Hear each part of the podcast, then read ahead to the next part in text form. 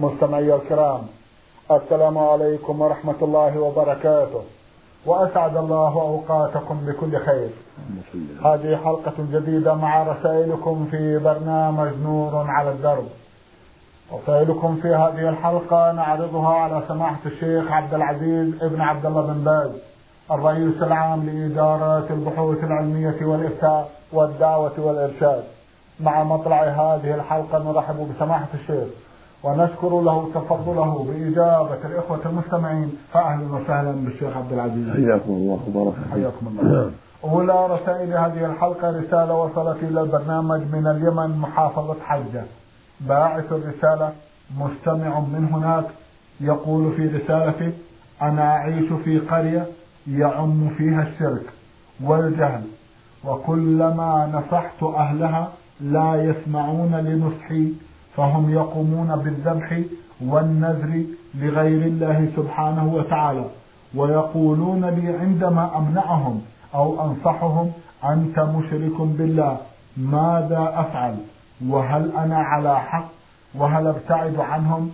أم أبقى في القرية مع مجاهدتي لنفسي ولهم؟ جزاكم الله خيرا. بسم الله الرحمن الرحيم. الحمد لله وصلى الله وسلم على رسول الله.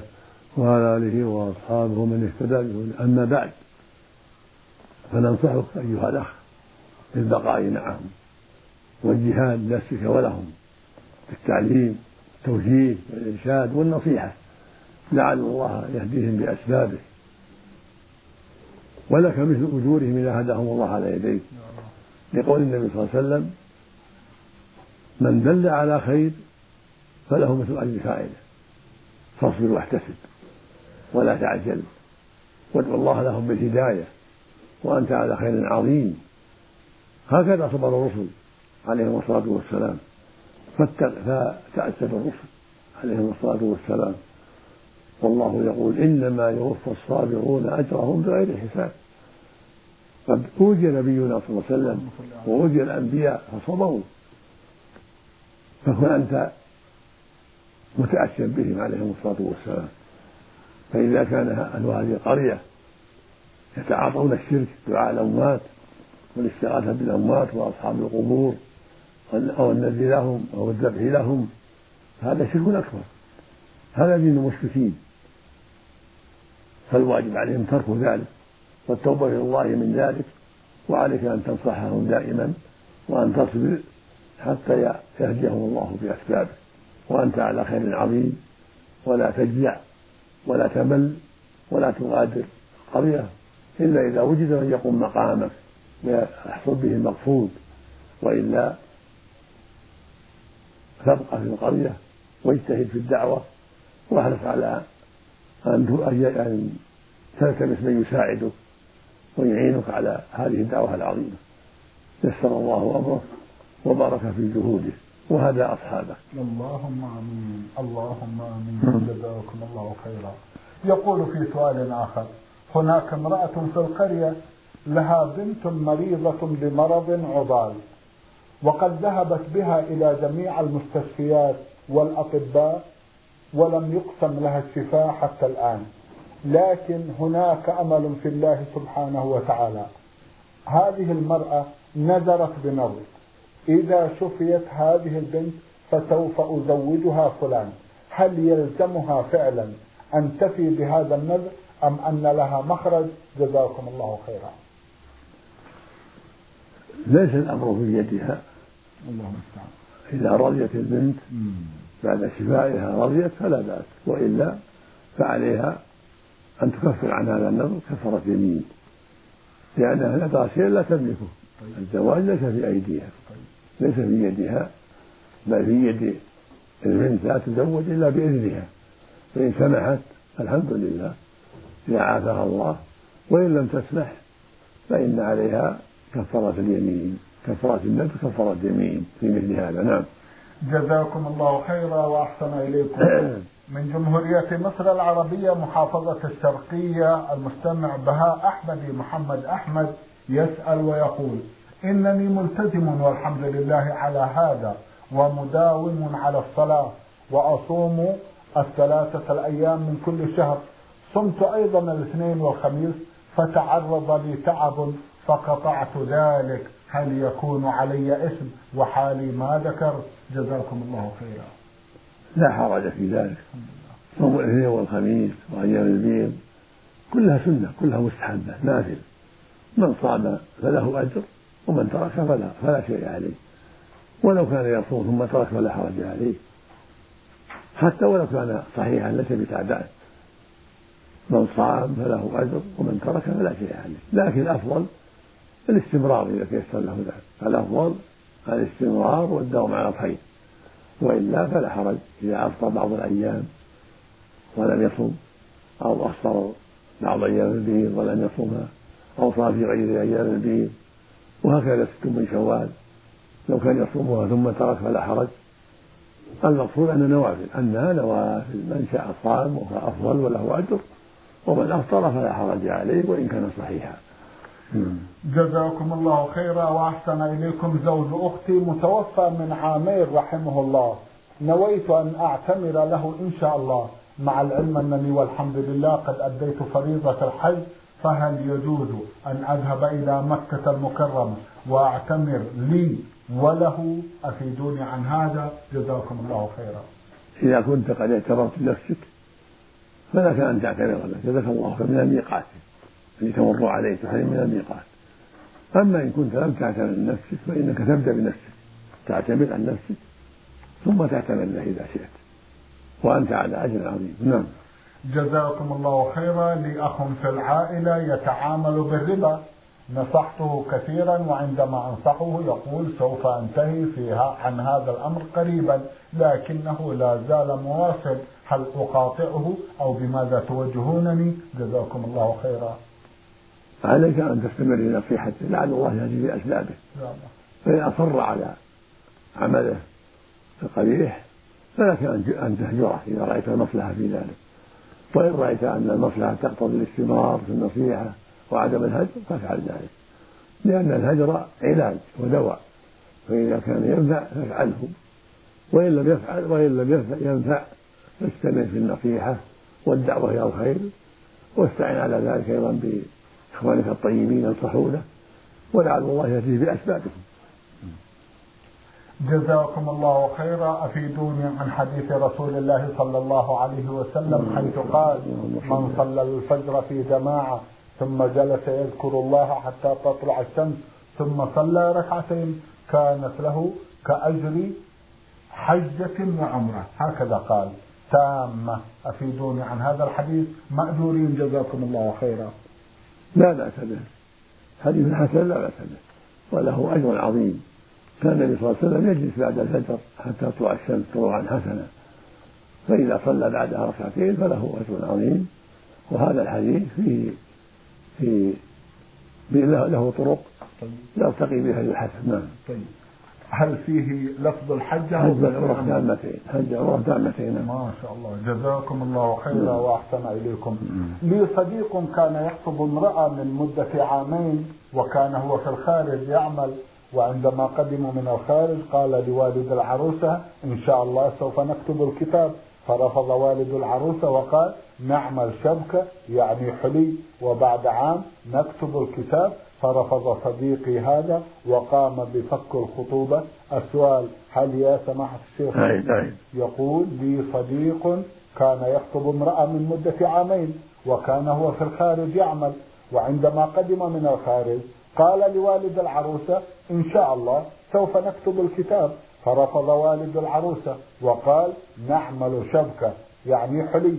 وبعد عام نكتب الكتاب. فرفض صديقي هذا وقام بفك الخطوبة. السؤال هل يا سماحة الشيخ صديقي عليه اسم وهل هو ظلم تلك المرأة؟ أفيدوني عن هذه القضية. جزاكم الله خيرا.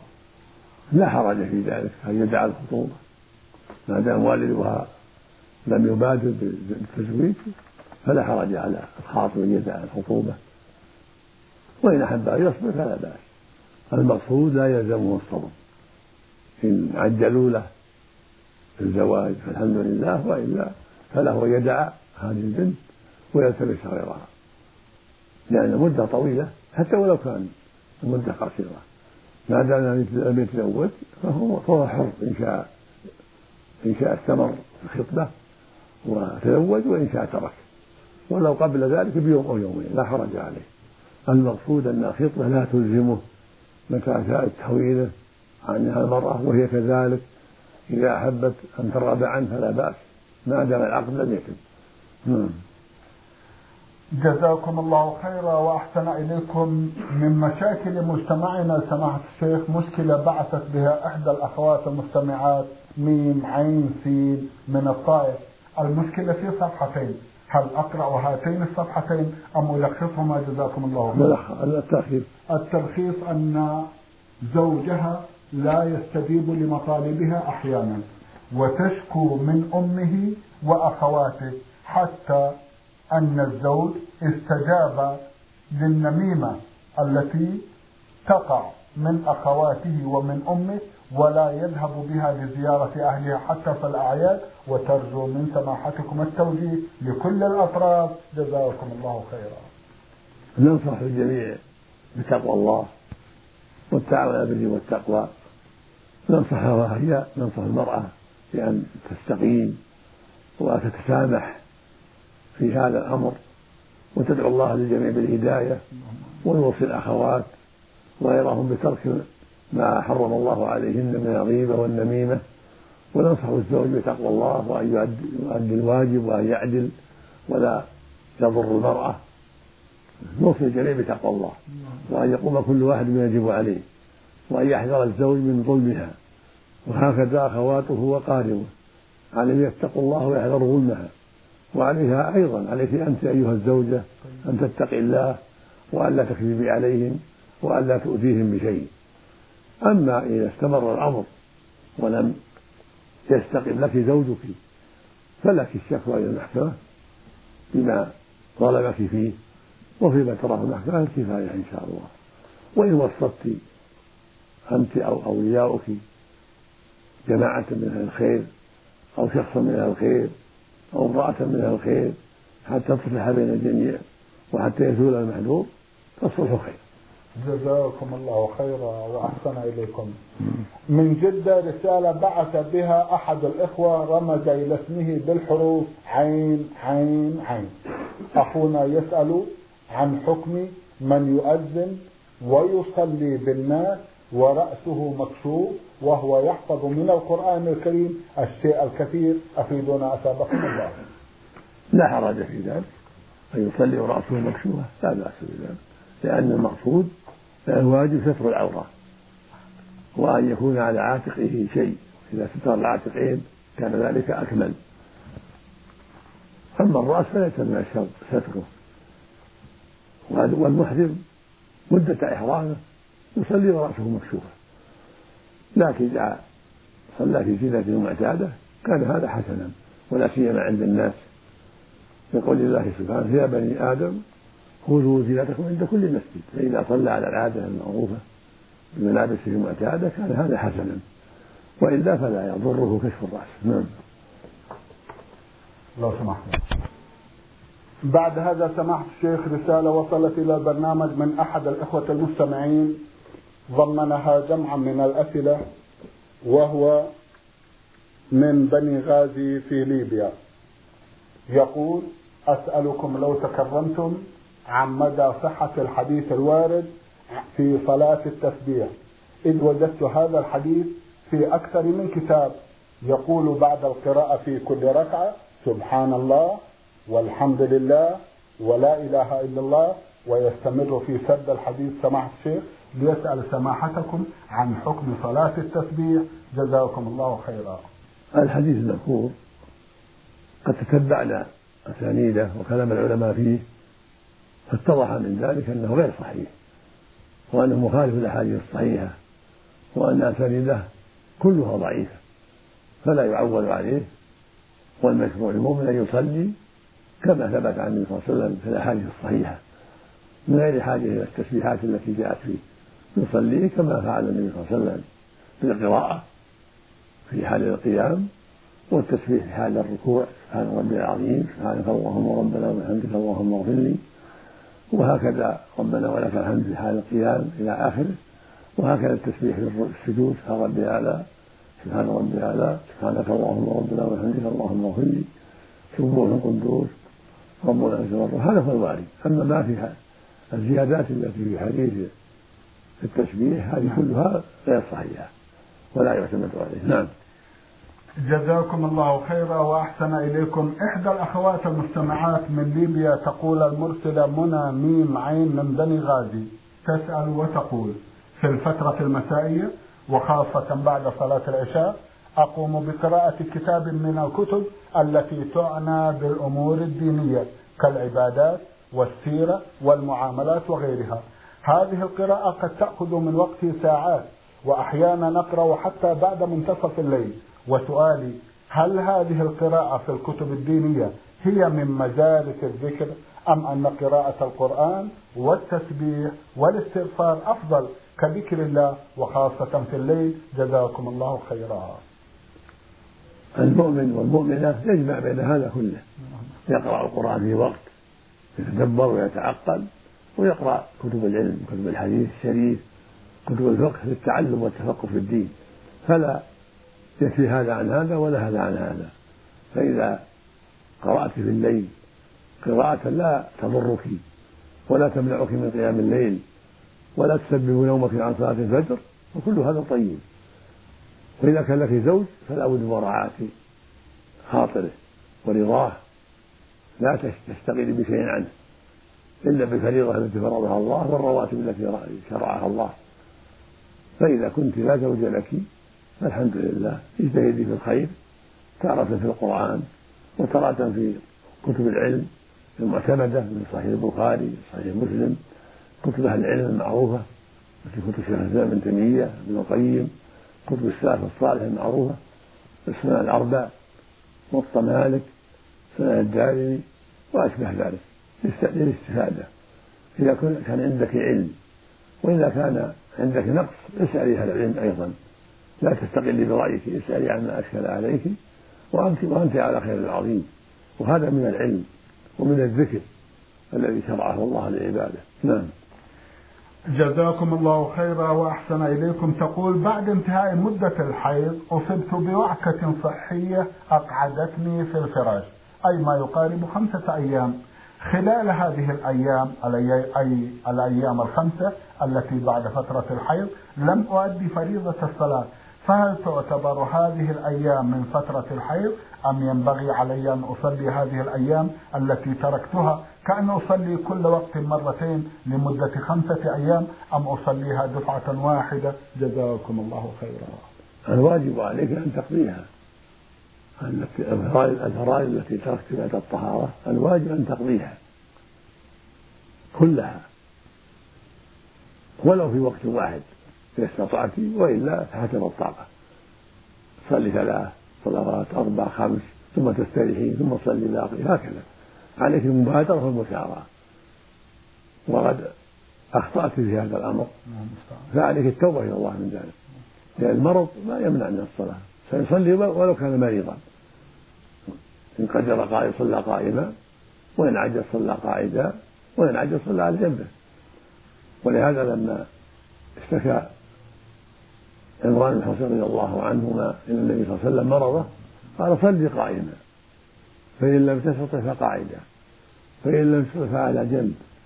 فإن لم تستطع فمستلقيا فالمريض يصلي على حسب حاله ولا يجوز ترك الصلاة.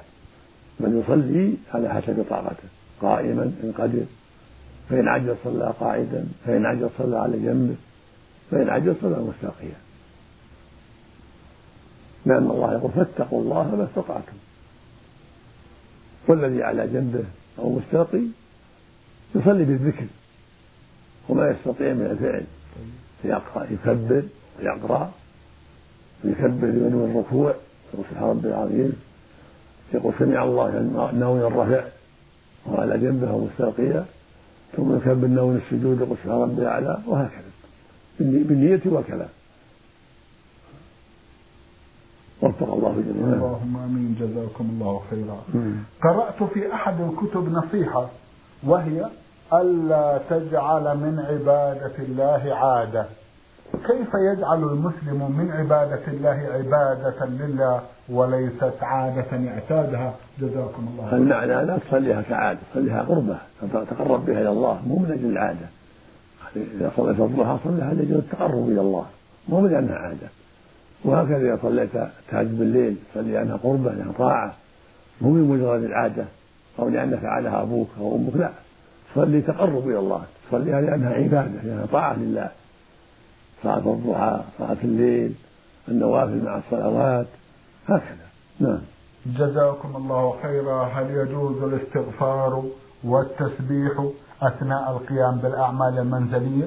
مثلا أثناء ترتيب غرف المنزل أو أثناء غسل الملابس أو كيها وغيرها من الأعمال المنزلية أيضا هل يجوز الاستغفار والتسبيح بدون وضوء؟ نعم نعم. الحمد لله. يجوز المسلم والمسلمة العناية بذكر الله وقراءة القرآن وهو في العمل يبني أو يصنع الطعام أو غير ذلك من الأعمال إلا في حال الحمام. في حال قضاء الحاجة؟ لا يقرأ ولا يكفر لكن في الأماكن الأخرى في المطبخ في القهوة في عمل البناء في غير ذلك يقرأ ويذكر الله ويستغفر والحمد لله. كله طيب. جزاكم الله. تقول عائشة رضي الله عنها كان النبي كان النبي صلى الله عليه وسلم يذكر الله على كل أحيانه يعني قائما وقاعدا وفي المنزل مع أهله يذكر الله على كل أحيان عليه الصلاة والسلام. هذا هو السنة أن تذكر الله أن تذكر ربك على جميع أحيانه.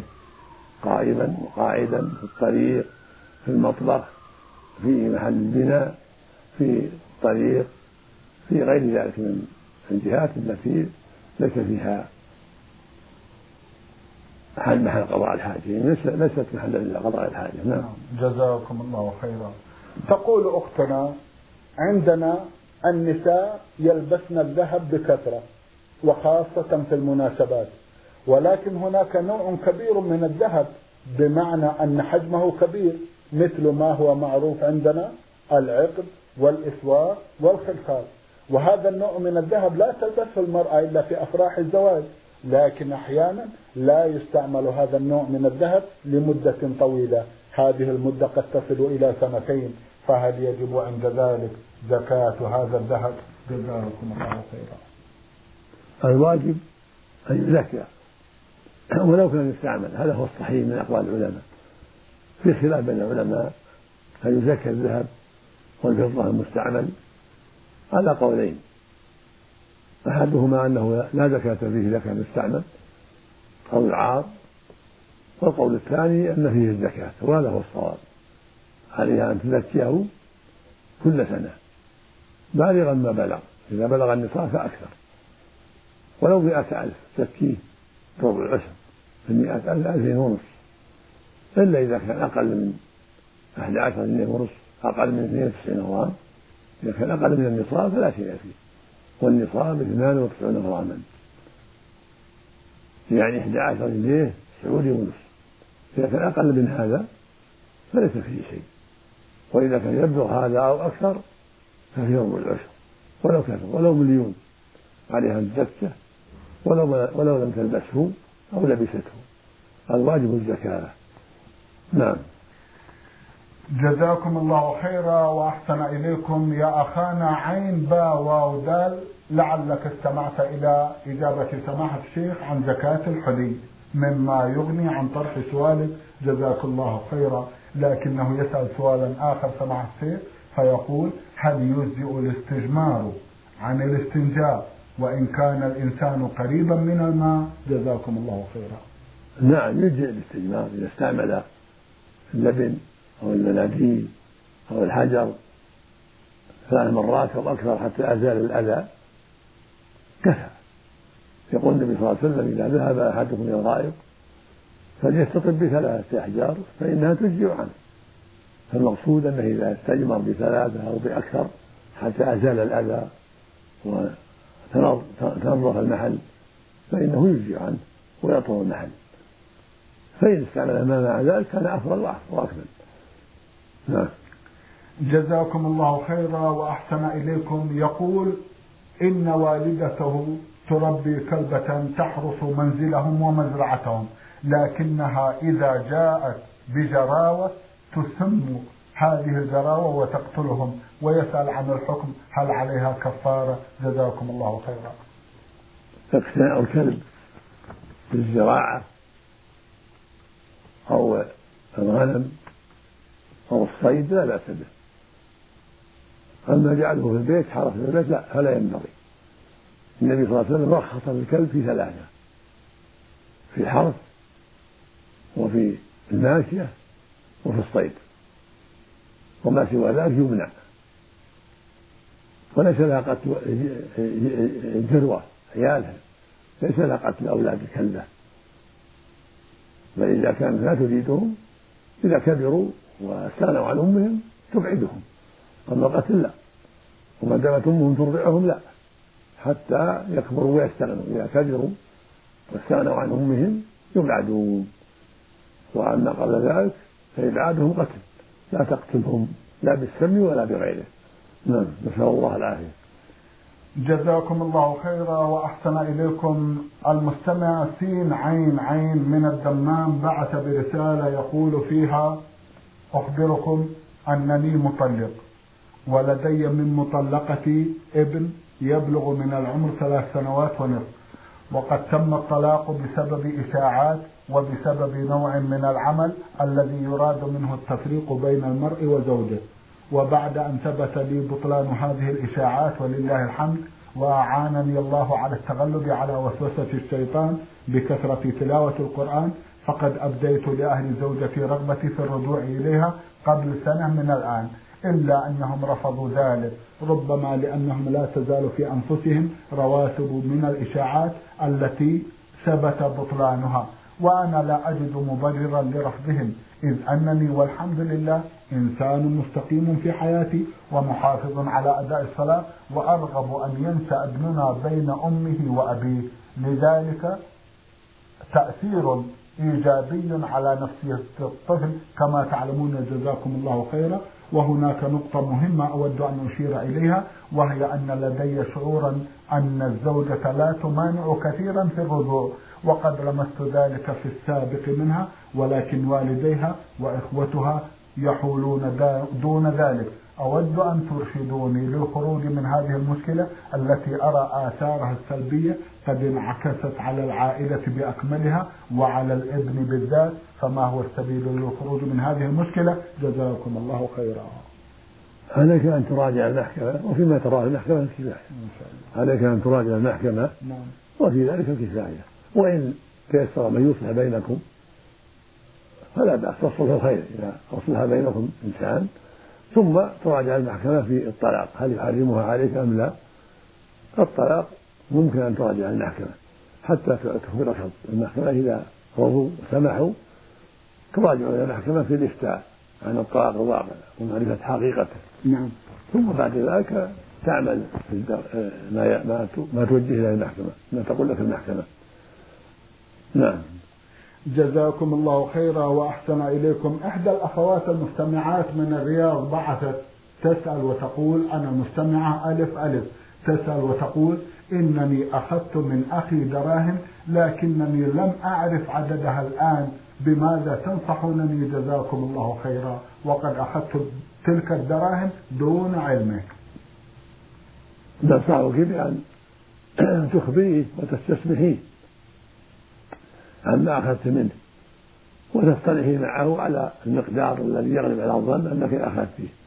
وإن سمح عنك فالحمد لله. نعم. جزاكم الله خيرا. سمعت من برنامجكم أن الرمي يكفي إذا سقطت الجمرة في الحوض. ولكن عند الرمي لا أعلم هل هي سقطت أم لا أي في الحوض. وجهوني جزاكم الله خيرا. الواجب على الحاجة يتحرى رمي الجمار في الحوض. ولا يقصد الشاخص يرمي الجمار في الحوض. فإذا غلب على ظنه وقوعها في الحي في الحوض أو علم ذلك كفى. فإن شك في ذلك فعليه يعيد الرمي في الوقت. فإن ذهب الوقت ذهبت أيام منها ولم يعد فعليه دم. ذبيحة تذبح في مكة للفقراء عن تركه الظن أما ما دام الوقت موجودا لم تذهب أيام منها فعليه أن يعيد الرمي. حتى يتحقق أو يغلب ظنه وقوعها في الحوض جزاكم الله خيرا. عند رمي جمرة العقبة الكبرى أخذت عشر جمرات. قيل لي عند الرمي احسبي سبع جمرات ولكن نسيت الحساب وسقط مني واحدة ورميتها كلها ورميتها كلها فما الحكم وبماذا توجهونني؟ جزاكم الله خيرا. إذا كنت رميت الجميع إلا واحدة فقد رميت السبع. والزيادة لا تضر الثامنة والتاسعة لا تضر إذا كنت رميت واحدة بعد واحدة نعم. وقع الإجزاء والحمد لله. والزائد لا يضر جزاكم الله خيرا. ماذا نقول بين السجدتين في سجود السهو؟ مثل ما يقال.